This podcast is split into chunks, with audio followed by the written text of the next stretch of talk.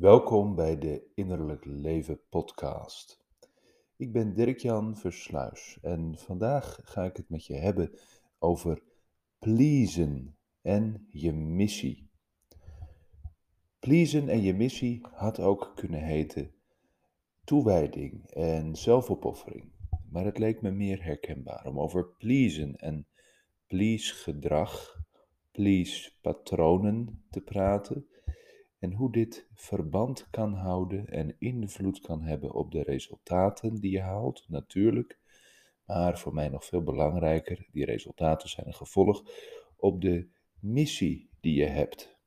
De zielsmissie, de grootste ambitie die je koestert. Hoe hangen die twee nu samen?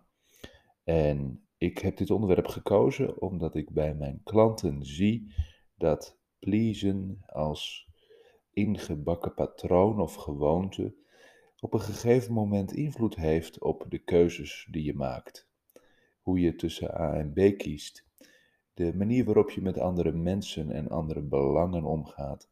En de mate waarin je in staat bent om voortdurend in contact te blijven met wat je nu eigenlijk zelf vindt. En wat jou zelf te zeggen heeft over wat er moet gebeuren in een zekere situatie. Dat zijn hele belangrijke vaardigheden als het gaat om het maken van koers, om het nemen van beslissingen. En daarom gaan we het er vandaag uitgebreider over hebben. En waar we vorige week gezien hebben hoe extreem hoge eisen een zekere tweepoligheid in zich hebben, dat je ergens naartoe kunt gaan, maar ook ergens vandaan kunt bewegen, zou ik vandaag willen zeggen, dat gaan we eigenlijk weer doen. Want ook als het om dit thema om toewijding en om zelfopoffering gaat, zou je kunnen zeggen: het gaat in essentie om het toewijden van jouzelf aan iets groters, hogers of mooiers. Of het gaat om het weggeven van jezelf. Dat lijken contrasterende thematieken, maar ik hoop een beetje duidelijk te maken dat dat in één grote lijn kan liggen en dat je dat allebei in je leven kunt herkennen. Sterker nog, als jij iemand bent die weet dat je met pleasen bij jezelf te maken hebt, dan zullen deze beide aspecten ongetwijfeld wel herkenbaar voor jou zijn. Nou, wat we natuurlijk niet willen is dat je zelf verlies leidt. En wat we wel heel graag willen is dat je jouzelf kunt inzetten voor iets groters waar je heel gelukkig van wordt. Nou, daarom ben je wellicht ondernemer of ben je misschien geen ondernemer, maar heb je wel een grote, belangrijke drive om dingen neer te zetten, dan is deze aflevering zeker voor jou. Maar even als vorige keer ga ik eventjes wat zinnetjes aan je voorhouden als begin. En dat zijn zinnetjes die eigenlijk stellingen zijn om te bepalen hoeveel feeling jij hebt met het idee van pleasen en van zelfopoffering. Ik ga er vier of vijf noemen. Allereerst, ik ben een goed mens, omdat ik meer rekening houd met andere mensen dan met mezelf. Ten tweede, ik geef meer aan andere mensen dan ik terugkrijg. Ik ben altijd degene die luistert naar de problemen van anderen. Andere mensen vinden dat ik te veel doe voor anderen en te weinig voor mijzelf. En tenslotte, ik geef voorrang aan de behoeften van andere mensen boven die van mezelf. Anders, en nou komt hij, voel ik me schuldig. Dit zijn een aantal stellingen die je mee mag voelen, in hoeverre die herkenbaar voor jou zijn. En als je hier herkenning bij voelt, dan zou ik me sterk maken voor het idee dat je dit in je leven sowieso al herkent. Dat er een bepaalde mate is waarin je meer gericht bent op de ander of op je buitenwereld dan op jezelf en je binnenwereld. Als we buiten en binnen wat dat betreft even tegenover elkaar zetten, dat is in zichzelf natuurlijk kunstmatig, want binnenkant en buitenkant zijn altijd met elkaar in interactie, dan kun je best een groep mensen herkennen, ook in de therapeutische praktijk, in de coachpraktijk, die als het ware als groeispanning of als ontwikkelpunt of zelfs als levensgroot probleem in zich hebben, dat ze zo ongelooflijk sterk gericht zijn op hun omgeving, op hun liefdespartner, op hun zakelijke contacten, op hun ouders, familieleden, dat zij als mens zelf totaal lijken weg te vallen. En als dat gebeurt, hebben we natuurlijk een probleem, want je leeft uiteindelijk zelf. Je kunt niet voor of via andere mensen leven. Maar het is wel interessant dat het gebeurt, want het kan ons ook iets tonen van het gemis of het gebrek dat je jezelf ervaart en waarom je zo ongelooflijk gericht bent op die ander en op je buitenwereld. Toch is het voor veel mensen een herkenbaar verschijnsel. En wanneer we kijken naar pleasen, uh, dat is een, denk ik in psychologische tijdschriften heel erg veel beschreven en misschien ook wel platgeschreven onderwerp. Pleasen lijkt niet zo te passen bij het idee van grote ambities hebben of een sterk en ontwikkeld mens zijn. Dan please je toch niet. Pleasen, daar zit iets, ja, in mijn oren althans vaak iets negatiefs in. Er wordt benadrukt dat het ongezond is. Nou, het kan uit hele gezonde en goede motieven voorkomen. En daarom heb ik het vandaag ook bewust bij elkaar gezet. Toewijding en zelfopoffering. Het zijn misschien wel verschillende manifestaties die op eenzelfde continuum thuis horen. Maar waar heeft het nou mee te maken om te beginnen? Nou, wanneer echt zelfopoffering, dus een extreme mate van zelfverlies door pleasen in jouw leven speelt, dan kan het zijn dat dat niet zomaar overal en nergens naar buiten komt. Want dan is de kans groot dat het wel opvalt en dat je er al mee in therapie bent gegaan of dat je er al dusdanig in bent vastgelopen dat je als het ware door het leven zelf gestimuleerd bent om er een oplossing voor te vinden. Maar ik zie het heel vaak op een andere manier. Dat mensen ogenschijnlijk heel krachtig en goed gedefinieerd zijn als persoon. Ze weten wel wie ze zijn, hebben een goed verhaal over zichzelf. Maar in intieme relaties, liefdesrelaties, vriendschappen, lijkt dat beeld helemaal te veranderen. En dan speelt eigenlijk die zelfopoffering en dat zelfverlies bijvoorbeeld niet in zakelijke relaties, maar wel in persoonlijke relaties. En daaruit spreekt natuurlijk niet alleen een zekere opsplitsing van werk en privé, maar daar spreekt ook een hechtingsgerelateerd dingetje uit. dat patroon van zelfopoffering en van pleasen en van zelfverlies, dat wordt kennelijk geactiveerd wanneer er een liefdesrelatie is of een intieme vriendschap of een goed persoonlijk contact. En dat geeft altijd te denken waar dat dan vandaan komt. In de praktijk zou ik een aantal dingen willen noemen die te maken kunnen hebben met het idee van zelfopoffering. En dat overmatig gericht zijn op de ander, in plaats van of concurrerend met je feeling met jouzelf. Ten eerste zou ik ook wel willen erkennen dat het een karaktertrek kan zijn. Ik ben niet zo heel erg van de karaktertrekken, want met dat iets een karaktertrek is, dan klinkt het bijna alsof het in je DNA zit en alsof je het niet meer kunt veranderen. Nou, dat geldt eigenlijk bijna nooit voor deze psychologische patronen. Je kunt heel veel veranderen.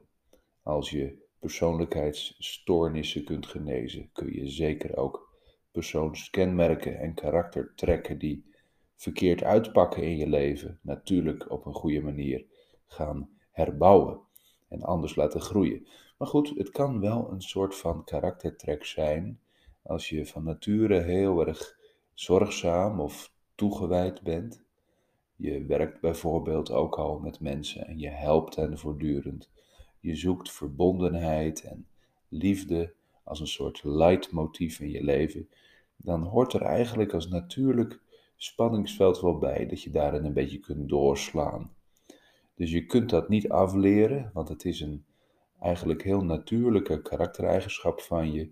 Je helpt, je zoekt verbondenheid, je geeft liefde en warmte. Maar juist daarin kan de uitdaging van het zelfverlies liggen. Je kunt dit vaak zien bij hulpverleners, zeker wanneer ze in de gebruikelijke wegbezuinigde settings moeten werken. En ze moeten eigenlijk tegen slechte arbeidsomstandigheden voortdurend toch heel liefdevol werk doen. En hun liefde is zo groot dat ze dat nog doen ook. Nou, daar kan een uitdaging in liggen van zelfopoffering en ook zelfverlies. Ik hoop dat dit in ieder geval duidelijk maakt dat je het niet altijd kunt afleren, want het kan heel erg verband houden met wat gewoon natuurlijk voor je is. Maar er kunnen ook trauma-gerelateerde aspecten in zitten. En natuurlijk kan dat relationeel trauma zijn, hechtingstrauma, met het voorbeeld van zojuist dat er een verschil is tussen werk en privé, persoonlijk en zakelijk. Natuurlijk kan het dan zo zijn dat als het ware die traumasporen die je in relatie met andere mensen hebt opgelopen, dat die juist ook geactiveerd worden wanneer iets meer en meer relationeel wordt, wanneer het dichterbij komt.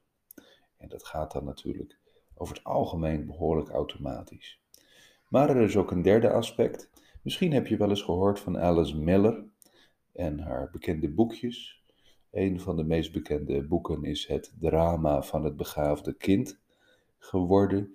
Maar er is ook bijvoorbeeld nog in den beginnen was er opvoeding en de opstand van het lichaam en gij zult niet merken.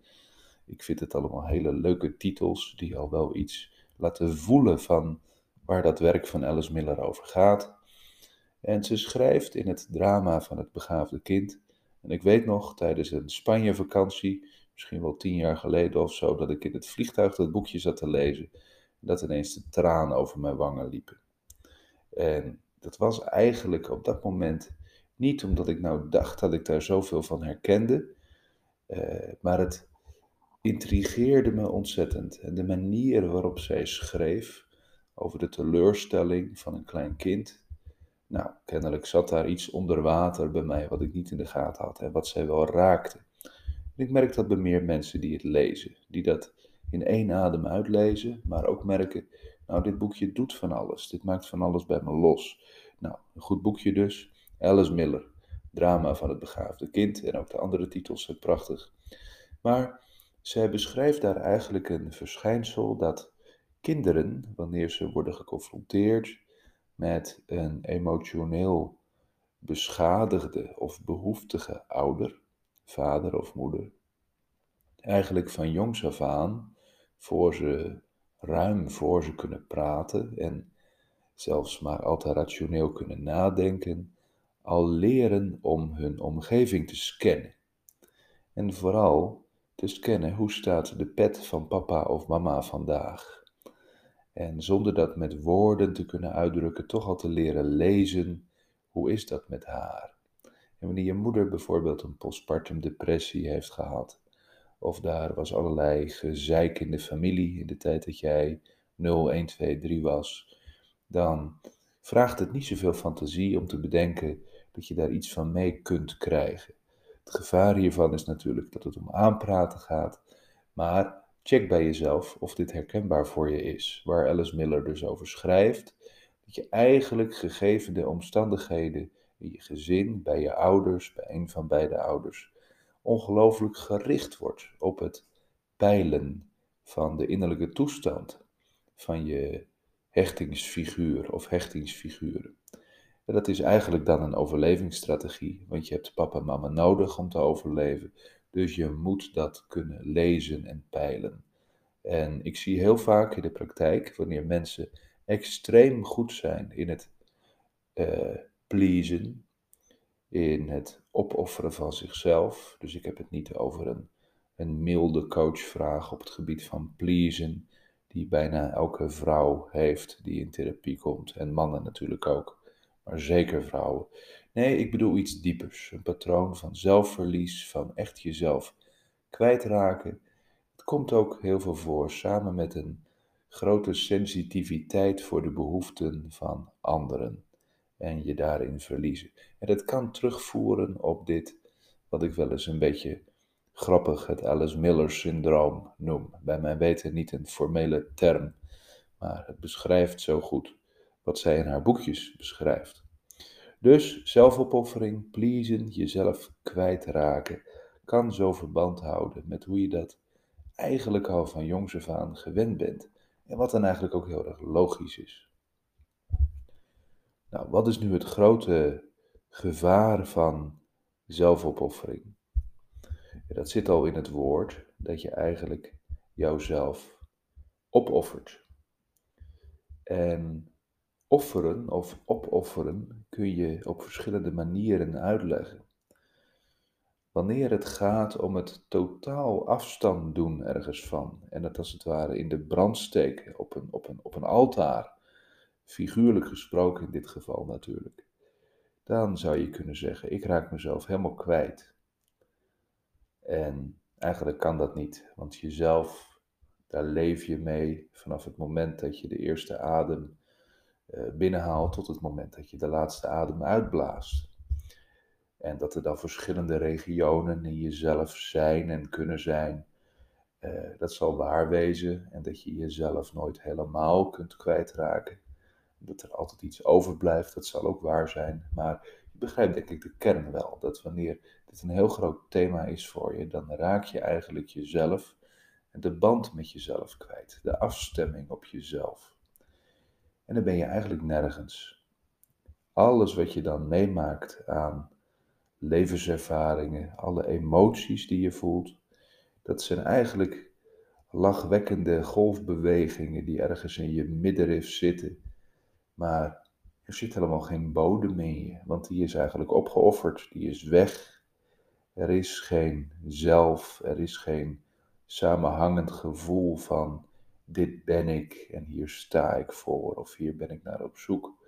Nou, dat is een enorm gevaar van overmatige, langdurige zelfopoffering.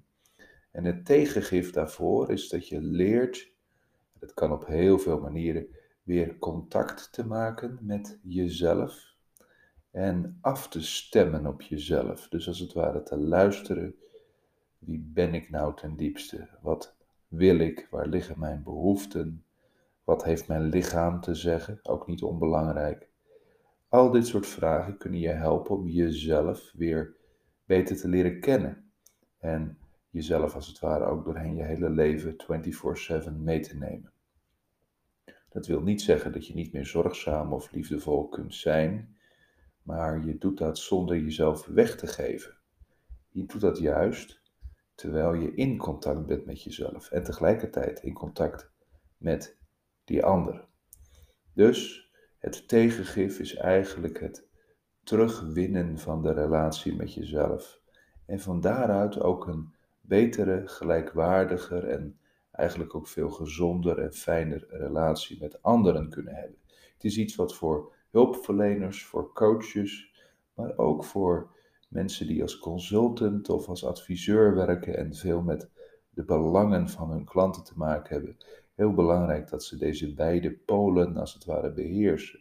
Het luisteren naar zichzelf ook als het niet specifiek om emotionele thematiek gaat waar je mee werkt.